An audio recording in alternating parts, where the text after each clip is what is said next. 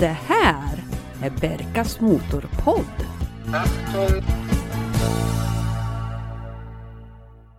Hej och välkommen till Berkas Motorpodd. Det här 29 avsnittet av podden för dig som gillar bilar, förbränningsmotorer och manuella växellådor. Kika gärna in på min hemsida berkasmotorpodd.se. Jag som hörs just nu heter Jörgen men kallas för Berka.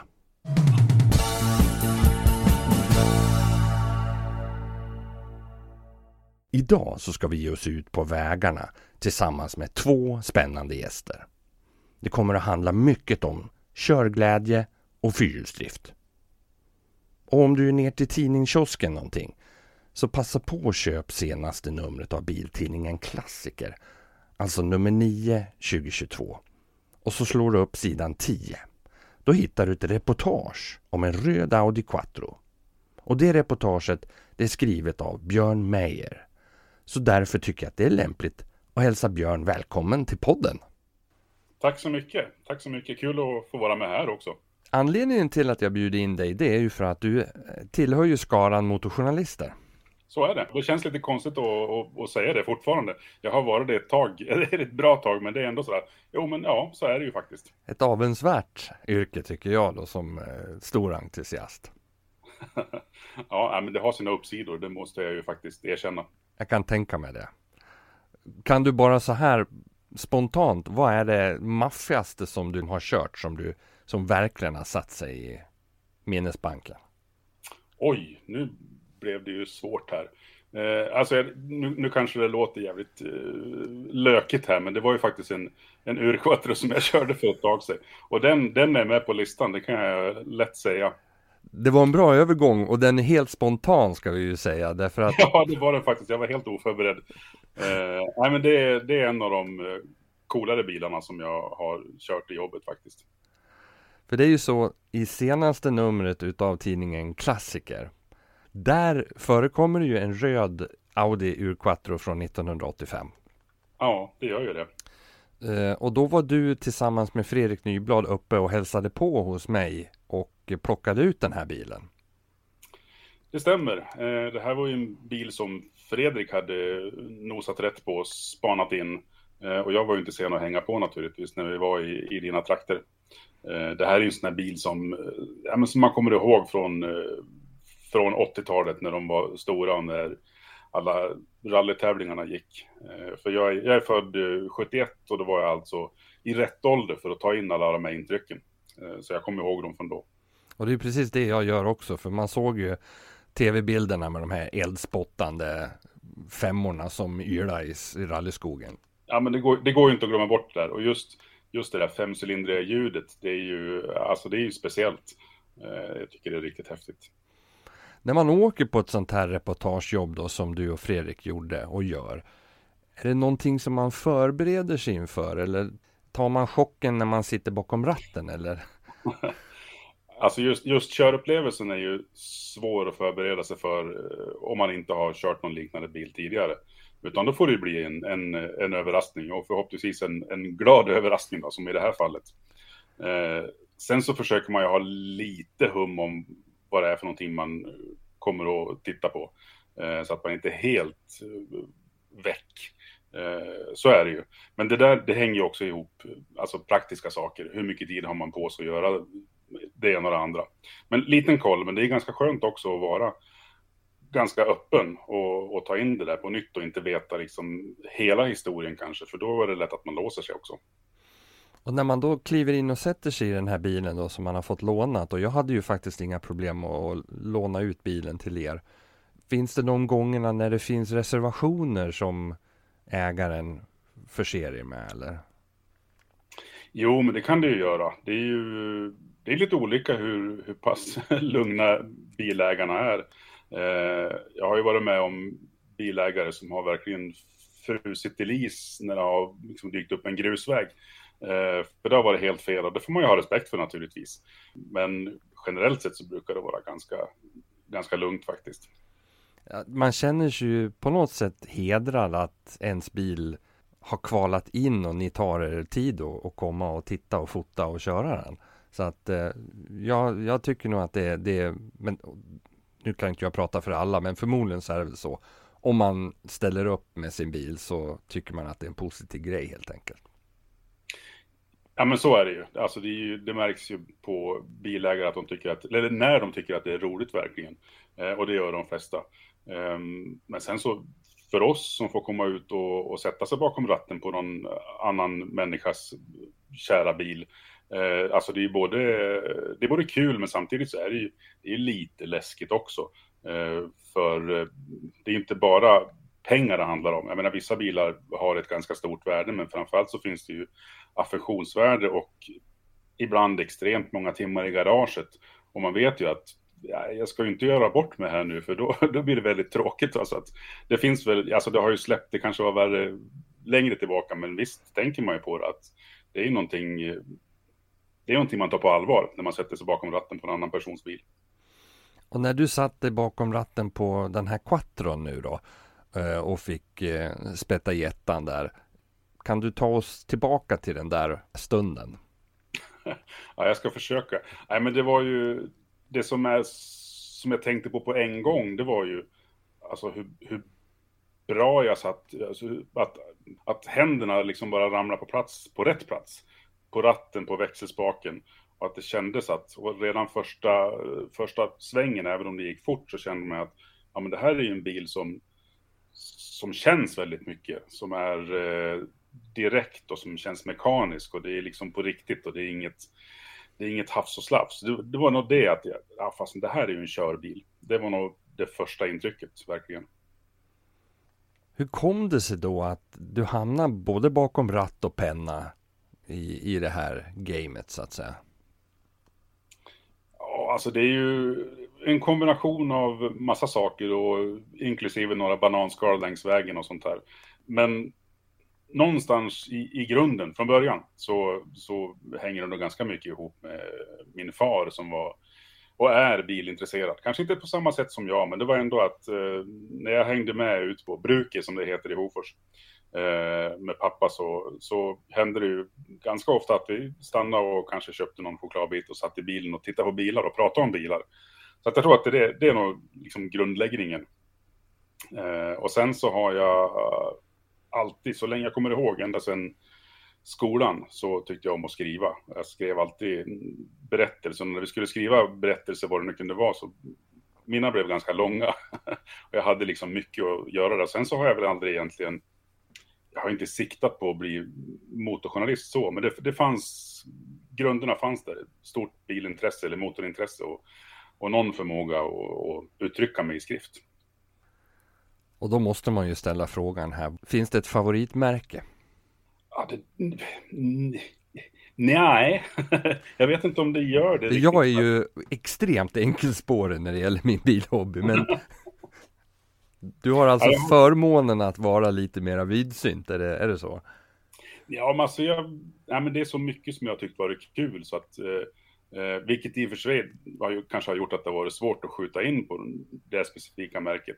Eh, det kan jag vara lite avundsjuk på ibland när folk har sitt märke och de vet jättemycket om det. Och, eh, de kanske har hängt med på det där tåget också och köpt ett, en viss bil eh, när det gick att göra det. För det är inte alla bilar som går att köpa längre om man har en, en, en vanlig ekonomi. Eh, så att jag har nog varit väldigt bred. Eh, men det är klart att eh, de svenska märkena finns där. Jag växte upp i en Saab-familj så att eh, det var, det var Saabar för hela slanten. Jo, men Saab ligger lite nära hjärtat. Jag har haft en hel del Volvo själv också, men eh, annars så är det nog, jag är väldigt bred tror jag. Och det här är ju premiär då i, i podden Någon som tycker om Saab. så att... vi, vi, vi finns också. Det verkar så ja. Men eh, jag ska väl säga varmt välkommen för det då. Ja, tack så mycket. Men har du någonting i garaget ståendes nu då? Ja, det har jag, fast eh, faktiskt ingenting på, på fyra hjul. Däremot så är det saker på två hjul som jag åker med och skruvar med och så vidare. Det är ju både intresse förstås, jag tycker att det är jättekul att köra hoj. Men sen så, om man bor i, i rikets huvudstad och, och jaga garage så kan det vara lite knepigt. Så det har ju dämpat eh, innehavet lite grann. Eh, jag har eh, några olika 50-tals tvåtaktare, Monark och DKV och så vidare. Och så åker jag 70-tals BMW R96. Det är lite polisstuk där då? Ja, R96 det var ju, polisen åkte R75 men i stort sett så de ser ju likadana ut förutom att polisens eh, hojar var vita, inklusive ramarna. Eh, min R96 är eh, röd metallic eh, och sen så har jag, jag har inte kunnat låta bli och jag har gjort lite hyss på den så att den ser lite nättare och så ut än, än original. Jag har försökt att, att gömma touringhojen och gjort den till något sportigare. Jag vet inte om jag lyckas riktigt, men eh, då, hyfsat. Ni har ju varit medverkande i den här frukostklubben. Mm. Har det tagit fart här nu? Jag tycker det. Eh, under sommaren här och, eller vår sommar och, och sensommar med frukostklubben så var det ju väldigt många som kom och jag tror att det var väldigt många som tyckte att det var kul och jätteskönt att få vara ute och ja, men träffa folk igen på ett sätt utan att behöva tänka så väldigt mycket på elände. Så att absolut, jag tror att det är många som är jättesugna på att vara ute igen. Jag tycker att det har märkts i sommar. Sen då Björn, när man, när man har stängt igen dörren och lämnat över nycklarna tillbaks, kanske lite motvilligt till ägaren där då, eh, så ska man åka hem och, och göra ett, ett eh, jobb av det här. Hur ser processen ut då? då? Ja, och motvilligt var ordet. De där nycklarna till urkvattron hade jag kunnat tagit med mig och bilen också. Ja, men det gäller ju att det finns säkert lika många metoder som det finns skribenter. Men eh, för mig så funkar det ganska bra att eh, ha lagom mycket anteckningar. Jag måste ha en grund så jag kommer ihåg vad som har sagts. Så jag antecknar vissa specifika detaljer. Eh, men sen så brukar det vakna väldigt mycket saker när jag tittar på bilderna. Så, så, det är ett sätt att liksom förflytta sig in i, för jag vet ju, det är inte alltid man skriver det här precis på en gång man kommer tillbaka, utan det här kan ju, det kan ju dröja ett tag innan det kommer i, i tidningen och innan det är dags att, att skriva. Men sen så är det ju en kombination då av eh, utgå ifrån det man har upplevt själv och sen så vill man ju veta mer om och kunna berätta mer om, om eh, den här bilen. Så då får man ju dyka in i olika källor. Det finns en hel del på internet att hämta, men allt finns inte där och allt är inte så lätt. Så att det kanske handlar om att eh, intervjua med någon som kan modellen väldigt bra eller leta den rätta boken som man kanske har eller som man kanske får stå och köpa helt enkelt för att få en bättre bild av det. Och sen så är det då mer eller mindre lång tid där man stoppar i saker i sitt huvud och sen så får du mosa runt där och sen förhoppningsvis kommer det ut någonting vettigt genom tangentbordet. Och sen har ni ju eran redaktionspodd. En Jajamensan. stor inspirationskälla till den här podden kan jag ju säga. Ja, eh, trevligt att höra. Hur, för ni, ni varvar ju lite grann. Det, det, är ju inte varje avsnitt som, som alla är med så att säga. Hur, hur är eh, ordergivningen för att inställa sig? Ja, den är väldigt strikt och det är väldigt planerat långt i förväg. Nej, men det, det, det, hänger ju det hänger dels på vilka ämnen som vi tar upp. Man kanske vet att någon har mer att säga om en viss sak och så vidare. Eh, men sen så är det praktikaliteter också. Vi sitter ju förstås och skriver och gör annat på redaktionen, men vi försöker vara ute också och träffa bilägare och eh, göra reportage. Så det är inte alltid alla är där helt enkelt. Inga eh, strikta manus eller någonting sånt då? Nej, alltså vi, vi förbereder ju vad vi ska prata om, men sen så är det väldigt mycket på, ja, det, det får ge sig. Och jag, tr jag tror att lagom mycket manus, det är nog bra att ha, bara lagom mycket förberedd, men sen så tror jag på att det får bli ett samtal och det finns alltid någon, något inpass och någon, eh, som någon kommer med som leder till att man skjutsar vidare i, den här, i, den här, eh, i det här samtalet. Och då brukar det kunna bli bra, hoppas jag. kan du avslöja någonting om någonting som du håller på att jobba med just nu? Eh, ja, men det kan jag. Jag har faktiskt eh, varit ute och kört en, eh, en helt annorlunda bil faktiskt än, än en urquattro. Fyra hjul absolut, men eh, ja, inte dubbelt så tung, men fasen vet alltså. Eh, jag håller på och skriver en eh, klassikerguide, våra köpguider om eh, Rolls-Royce och Bentleys eh, 80-90-talsbilar. Eh, och den bilen som står i, i fokus då är en Turbo R.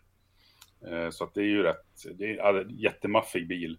Eh, och förvånansvärt mycket, alltså mycket körglädje. Man kan ju tänka sig att visst, den har gott om kraft, men den är stor och tung, så att kan man pressa en sån här bil? Ja, men det kan man faktiskt.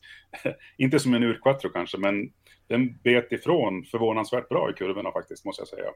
Den känns ju verkligen som ett eh, kassaskåp med takbox integrerad på något vis. Du menar på att det där var, det där gick att köra friskt med i alla fall då?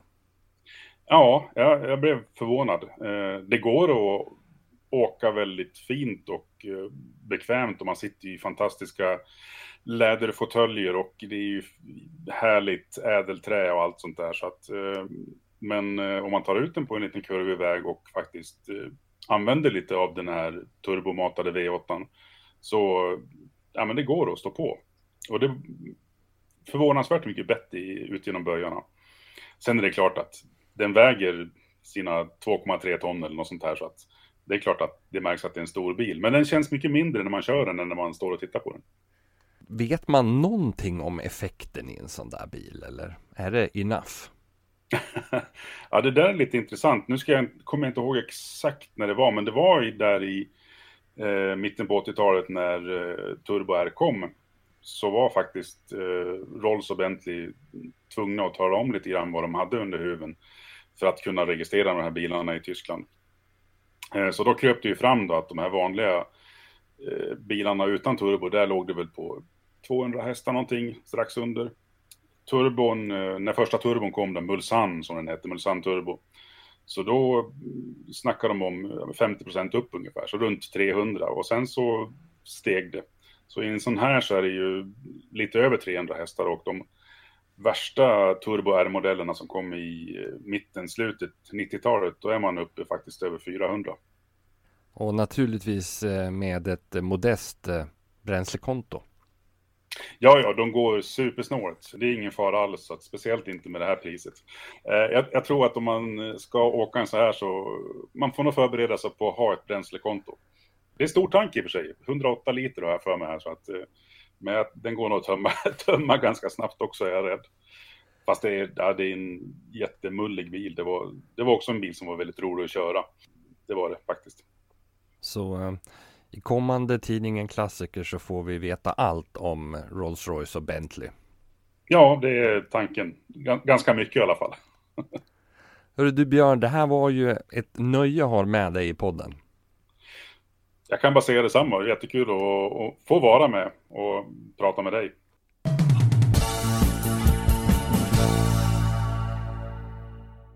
Att köra bil är ren meditation.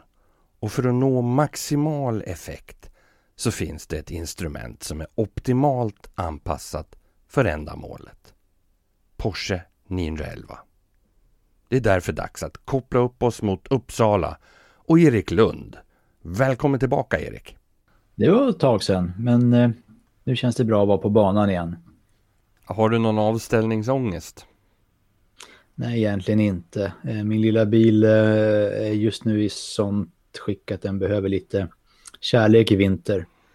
Jag har ju varit ganska bortskämd med att den har gått så bra. Det gör den fortfarande ska jag säga i grund och botten. Men det är väl som att 37 år till slut kommer ikapp och så händer det lite saker. Se till att det blir åtgärdat och så får man se om man har råd att lösa ut den när det är färdigt. Apropå det här med gamla bilar så gjorde ju vi någonting väldigt ovanligt, i alla fall för min del, eh, för några år sedan. Det var ju innan coronan slog till. Just när det. vi eh, hade förmånen att du hade plockat med dig en helt flång ny Porsche 911 Carrera 4S utav då den helt färska 992-generationen. Vi mm. skulle göra en liten, ja vad kallar man det för jämförelse mellan den här nya fyrhjulsdrivna Porschen och den första fyrhjulsdrivna Porschen som 911 kom i 964 utförandet. Ja, men det var ju en tillfällighet som uppenbarade sig. Jag hade den här testbilen ute för att skriva om den i för mina ordinarie eh, motorjournalistikkunder som jag hade på den tiden. Och så slog det mig att här står jag då med en ny Carrera 4 S som är röd och har svart inredning. Och 20 mil i nordvästlig riktning typ så sitter en kille och har en röd Carrera 4 med svart inredning av den första generationen. Och då tänds ju alla lampor för mig för jag tycker att det är otroligt roligt och givande att jämföra gamla och nya bilmodeller.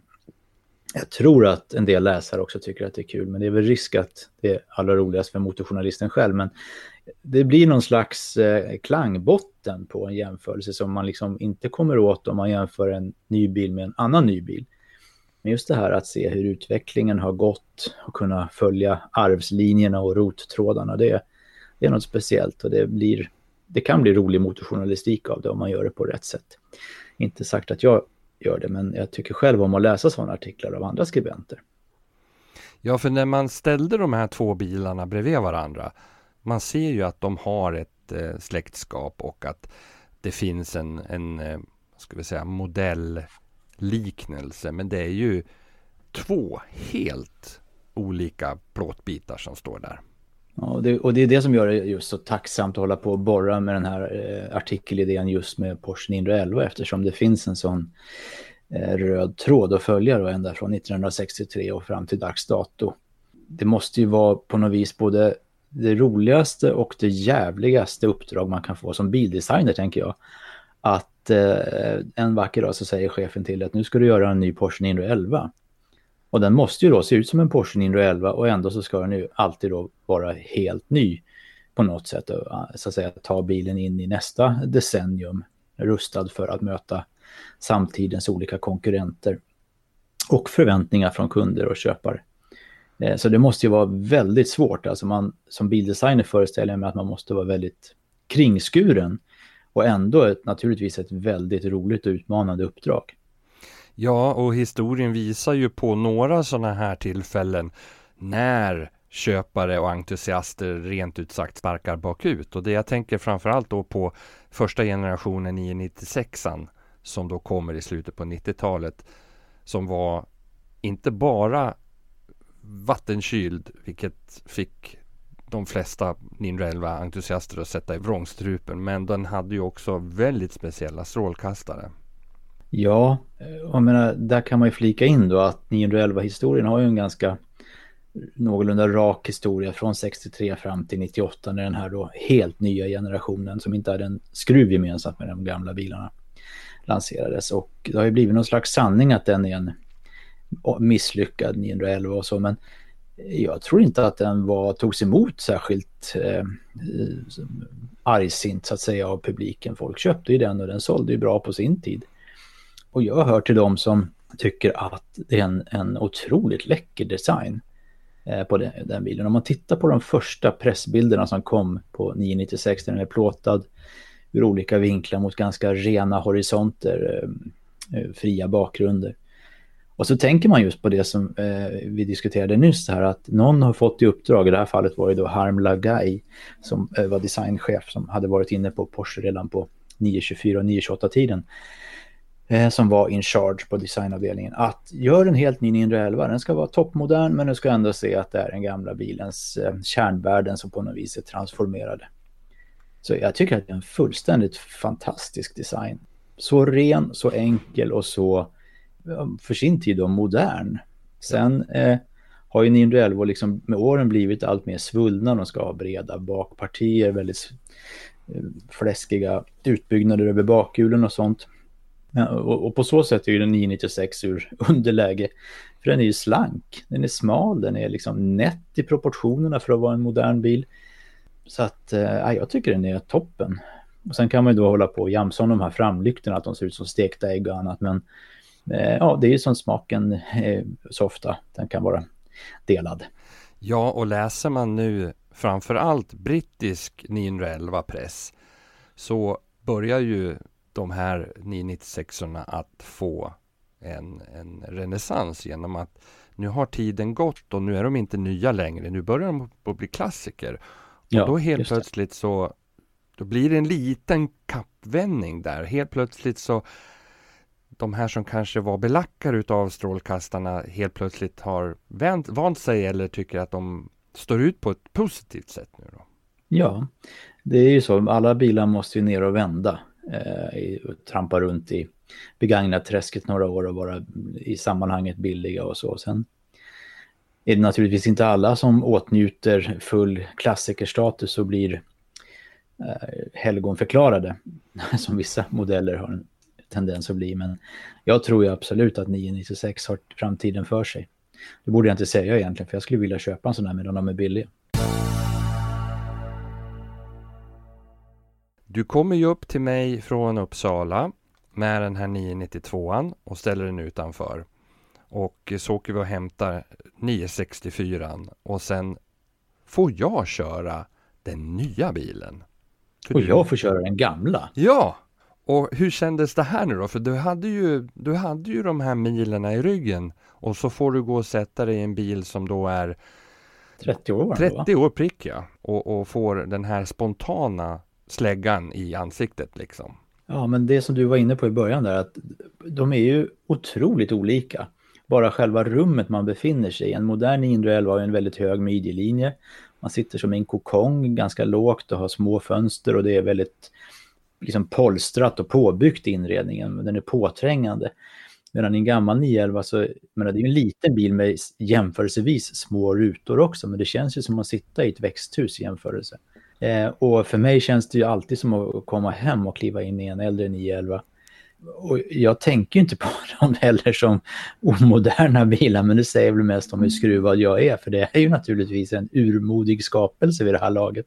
Men eh, jag tyckte att det var en ren fröjd att komma in i din bil och eh, fräsa iväg med den här otroligt eh, kurrande, mysiga 3,6 liters motorn med dubbeltändning och men på många sätt så är din 964 eh, väldigt lik min gamla Carrera 3,2. Men mm. det är ändå ett stort generationsskifte som har ägt rum mellan dem. Det var väl så att 85 procent av tekniken i 964 var ny jämfört med den modellen som jag har. Och det känns ju på vissa sätt och på andra sätt så kan man ju nu, 30 år senare, konstatera att ja visst, den här eh, G50-lådan är ju ett under av smidighet i jämförelse. Men det är ändå två gamla bilar, så det är liksom egentligen bara gradskillnader om man jämför de två sinsemellan med en ny bil. Och den här nya bilen som jag hade med mig hade ju då såklart, höll på att säga, dubbelkopplingsväxellåda och bara två pedaler. Eftersom eh, väldigt många Porsche-köpare numera väljer sina bilar på det sättet så är det ofta så pressbilarna också är spesade. Eh, och det kan man ju säga att det är en fantastisk teknik det är bländande väl utfört tycker jag, de här PDK-lådorna. Och sen låter man ju då som den gamla surmulen man har blivit när man säger att ja, men det är fan roligare att växla manuellt i alla fall. Det går inte att komma runt. Eh, och prestationen går inte att ifrågasätta någonstans. Liksom. Men en sån här bil köper man ju för att den ska vara rolig att köra. Och det blir mycket roligare med, med tre pedaler och en manuell växelspak, så är det. Jag är helt enig med det där, därför att nu valde vi ju att ta oss ut på vägsträckor där inte skillnaden kanske blev så fruktansvärt stor när det handlar om, om fart. För att annars är det ju så att den nya bilen naturligtvis kör ju åttor kring den gamla bilen. Mm. Men det handlar ju inte bara om kvickhet och prestanda utan vi vill ju komma in i bilen också på något vis. Ja, tränga under huden. Vi, vi börjar ju på smala landsvägar i södra Dalarna och upp mot Smedjebacken. Där upplevde ju jag den här nya bilen vara, det var ju en stor överkurs alltihopa därför att jag upplevde ju att medan jag såg att 964 rullade lite grann i kurvorna, det neg och den satte sig på hasorna med olika broms eller gaspådrag. Medan den bilen, nya bilen som jag hade, den kändes som den gick på tomgång. Mm. Ja, och det är också en aspekt på det här, eh, om man nu ska ta det vidare, att eh, fart är ju relativ upplevelse. Och i en gammal 911 så får man ju verkligen vara med på noterna och köra bilen aktivt hela tiden. Eh, man kan inte slappna av i någon större utsträckning om man ska köra aktivt och lite snabbt i alla fall. Utan man måste vara eh, med på eh, bilens, eh, vad den sänder för signaler och svara på dem. Medan i en modern Porsche så är det ju väldigt tillrättalagt. Och det är naturligtvis bra, utvecklingen måste gå framåt eh, och det är återigen bländande fin teknik. Men det blir ju lite så också att man tycker, man kan ju köra en modern Porsche som man tycker man har blodsmak i munnen och så förstår man att bilen själv gäspar och tycker ja, när ska vi komma igång på riktigt liksom. Precis. Därför att det är sådana enorma nivåer på, på däckens grepp på motorns kapacitet, på växlingarnas snabbhet och inte minst på bromsarna som gör att man blir lite dumdristig nästan för att man, man vet att det, det stannar jämt. I vilket läge som helst är det bara ställa sig på bromspedalen in i kurvor och ut ur kurvor hur som helst liksom. Så tar bilen hand om det med alla med dels eh, väldigt fin chassiteknik och dels de system som numera är, verkar i bakgrunden. Vad, vad, tycker du är bäst med den här 964 då? Ja, men den är ju i skärningspunkten mellan det nya och gamla på ett väldigt attraktivt sätt. Eh, den är ju mera, eh, den känns ju modernare än vad min bil gör. Den är smidigare, den har servostyrning, den har mjukare bromsar, den har en, en kärnligare växellåda.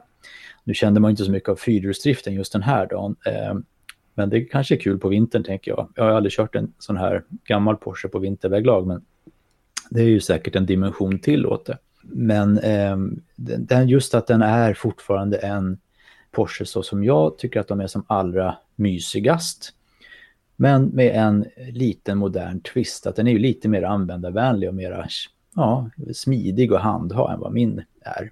Den har alltså en annan balans, är det det som, som jag ska förstå det rätt på? Mot... Ja, det är ju en del i det, att den har en annan balans, men också att eh, man känner ju det att de har ansträngt sig i skiftet från de gamla till 964-generationen att göra den lite mera kundtillvänd, eh, inte lika kärv och tjurskallig som de gamla kan uppfattas i, i vissa delar. Eh, och, och, samtidigt så är det ju ändå en gammal Porsche liksom. Så man har inte förlorat särskilt mycket. Det där är ju alltid en diskussion så fort det kommer en ny 911-generation så sitter det ju eh, varierande grad gråhåriga gubbar som jag och eh, grumsar om vad de slarvat bort den här gången då liksom. Att den har blivit för bra och för stor och för, för tillrättalagd och för slimmad liksom. För, för slick i upplevelsen. Att det finns inget tuggmotstånd, inget kärnvirke kvar kan man ju tycka. Det gör det ju de moderna Porscharna, men man måste ju köra så in i helvete fort för att det där kärnvirket liksom ska uppenbara sig. Medan det är mycket mera eh, allmän, eh, allmänt närvarande i en gammal Porsche. Men sen tog vi oss vidare till eh, den berömda glasskiosken i Smedjebacken. Ja, den är väldigt berömd jag förstått. Det är många ja. kompisar på Facebook som har skrivit ja, där åt vi alltid glass när jag var ung. Och dit åker man gärna och där, man tar gärna en omväg dit och det Precis. gjorde vi. Och där ställer vi upp de här två stycken röda ninraelvorna då på, på rad utanför den här kiosken då med en, en fin eh, trädgårdshäck i bakgrunden. Och käkar våran förträffliga glass och sen så när vi står och begrundar och fotograferar de här två bilarna så hör vi något bekant kommandes runt hörnet. Ja, då höll vi på att slå på ändan du och jag, för att tala klarspråk. När vi hör ljudet av en något spenslig men dock eh, sonor stämma, omisskännligen från en eh, sexcylindrig boxermotor, luftkyld. Och vad kommer runt hörnet om inte en röd 911 med svart inredning? Men eh, betydligt äldre än de bilar vi hade med oss. Vad var det för årsmodell på den? Då var den precis 50 år gammal den bilen som ja. rullade in. 69 var det. Så det var en 1969 911 T. Och ur den kliver ett äldre par. De hade ägt bilen i drygt eh, 30 år va? Ja. De dök upp där som gubben ur lådan verkligen. Och plötsligt stod det då tre röda 911 med svart inredning på rad framför glasskiosken i Smedjebacken och vi höll ju på att gå upp i limningen du och jag. För det, alltså den här känslan av att kunna jämföra en ny och en gammal bil är ju så himla roligt tycker jag. Och sen när det dyker upp en tredje av samma generation, då, ja, nej, nu håller jag på att jollra sönder här känner jag. Men det var verkligen ett, ett moment nej, men, som man aldrig kommer att glömma. Vi stod ju liksom bara och stamma och nöp oss själva för vi, det här var ju absolut ingenting som var planerat eller uppgjort utan det här var en på miljonen måste man väl nästan kunna säga när man är ute och gör en sån här grej. Ja, det tror jag. De var ju på väg någon annanstans och råkade se oss och svängde höger istället för vänster ja. och stannade till och pratade. Så det var ju fantastiskt kul. Och, eh, just att, eh, jag menar om man är på en bilträff och det står eh, 44 stycken olika 911 och, och olika valörer och generationer. Det är ju kul i sig. Man kan gå och sparka däck och jämföra och gagga. Men eh, det blir så en dimension till när det sker ute i verkliga livet om man säger så. att vi var ju bara ute och körde och där kom den. Ja, och sen att det var så uppfriskande att det här äldre paret var ju så otroligt vitalt. Och Otroligt. hade en, en sån känsla för den här bilen som de ju ägde. Ja, du pratar ju mer och mer om, jag steppade ju runt där som eh, den här fågeln i Kalanka på julafton ungefär. Med min kamera och försökte föreviga det här ur alla vinklar och att jag var rädd att de skulle åka snabbt igen. Men de stod ju en bra stund och pratade med dig. De hade ju som sagt ägt en, en, en väldigt bra stund och köpt den i det här ett ändå fint patinerat orenoverat skick som den ju var i. Det allra bästa. Ja, så att man törs använda den. Och de var ju ute på en liten helgutflykt med den där. Då, för precis perfekt sån här liten söndagstur. Ja, det var verkligen eh, fin garnering på tårtan som vi höll på baka där. Och sen så vart det lite fotografering utav bilarna därför att eh, det finns ju lite trevliga bakgrunder där med de här gamla tegelbyggnaderna där. Mm, just det. Du och jag åkte vidare sen när vi hade vinkat av det äldre paret. Men vi stod ju kvar där en stund och bara tittade på varandra och tänkte, var vi med om det här? Hände det verkligen? Men ja, bilderna finns ju så att vi var nog det. Det finns bildbevis och, och jag har en, en liten film också när han taxar iväg där. Ja, eh, mysigt. och rosslar igång den här eh, dubbelförgasarmotorn då på två liter.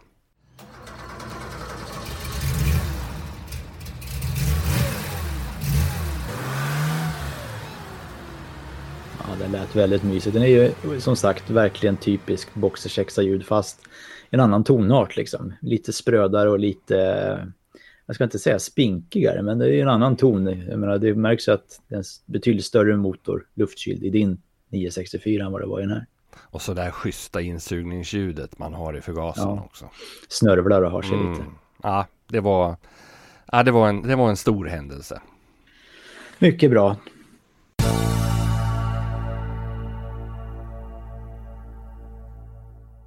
Hade man vinterbilsambitioner med 964 Carrera 4 när den kom 89-90 där? För att jag vill minnas som 16-åring att de ställde 911 mot självaste Audi Quattro då 1990.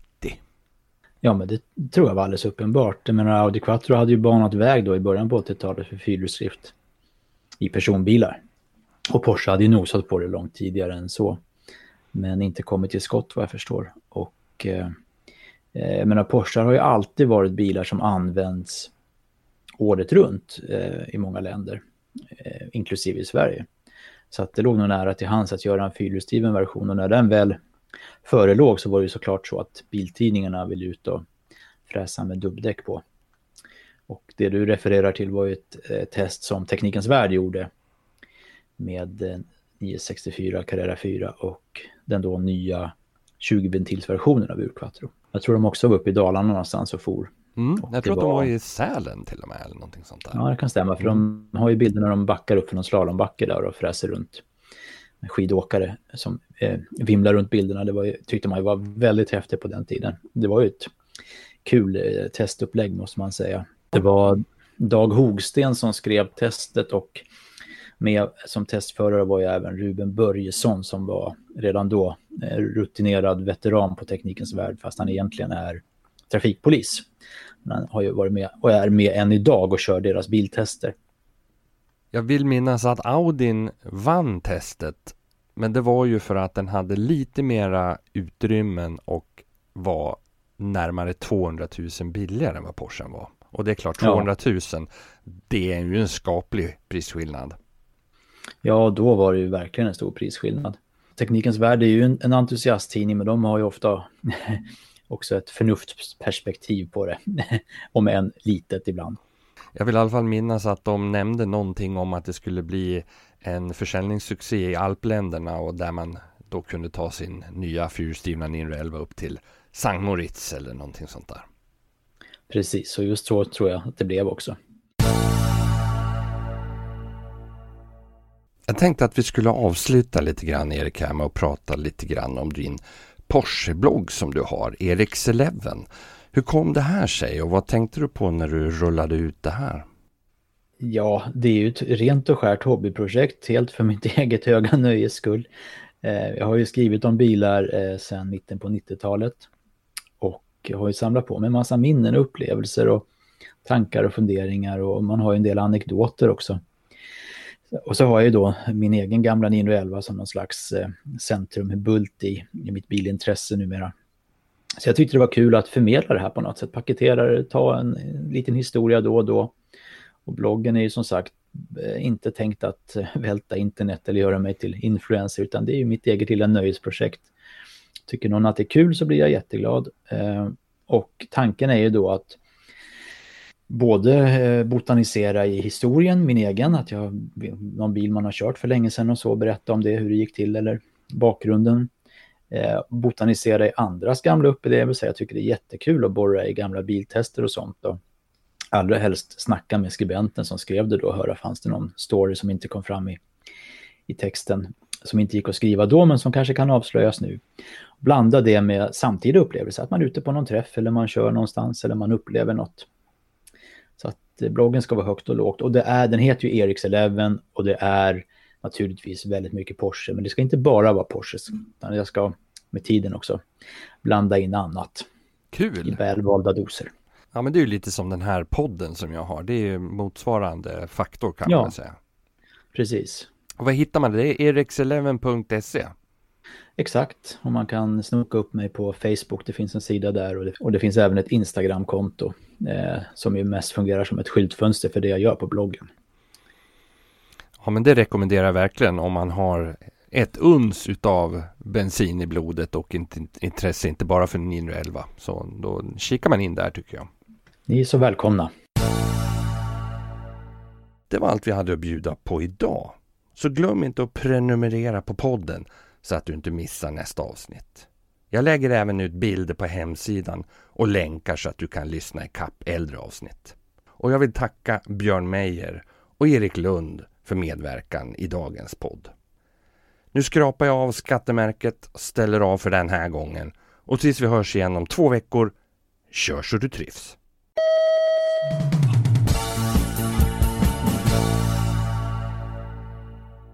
Kanon då!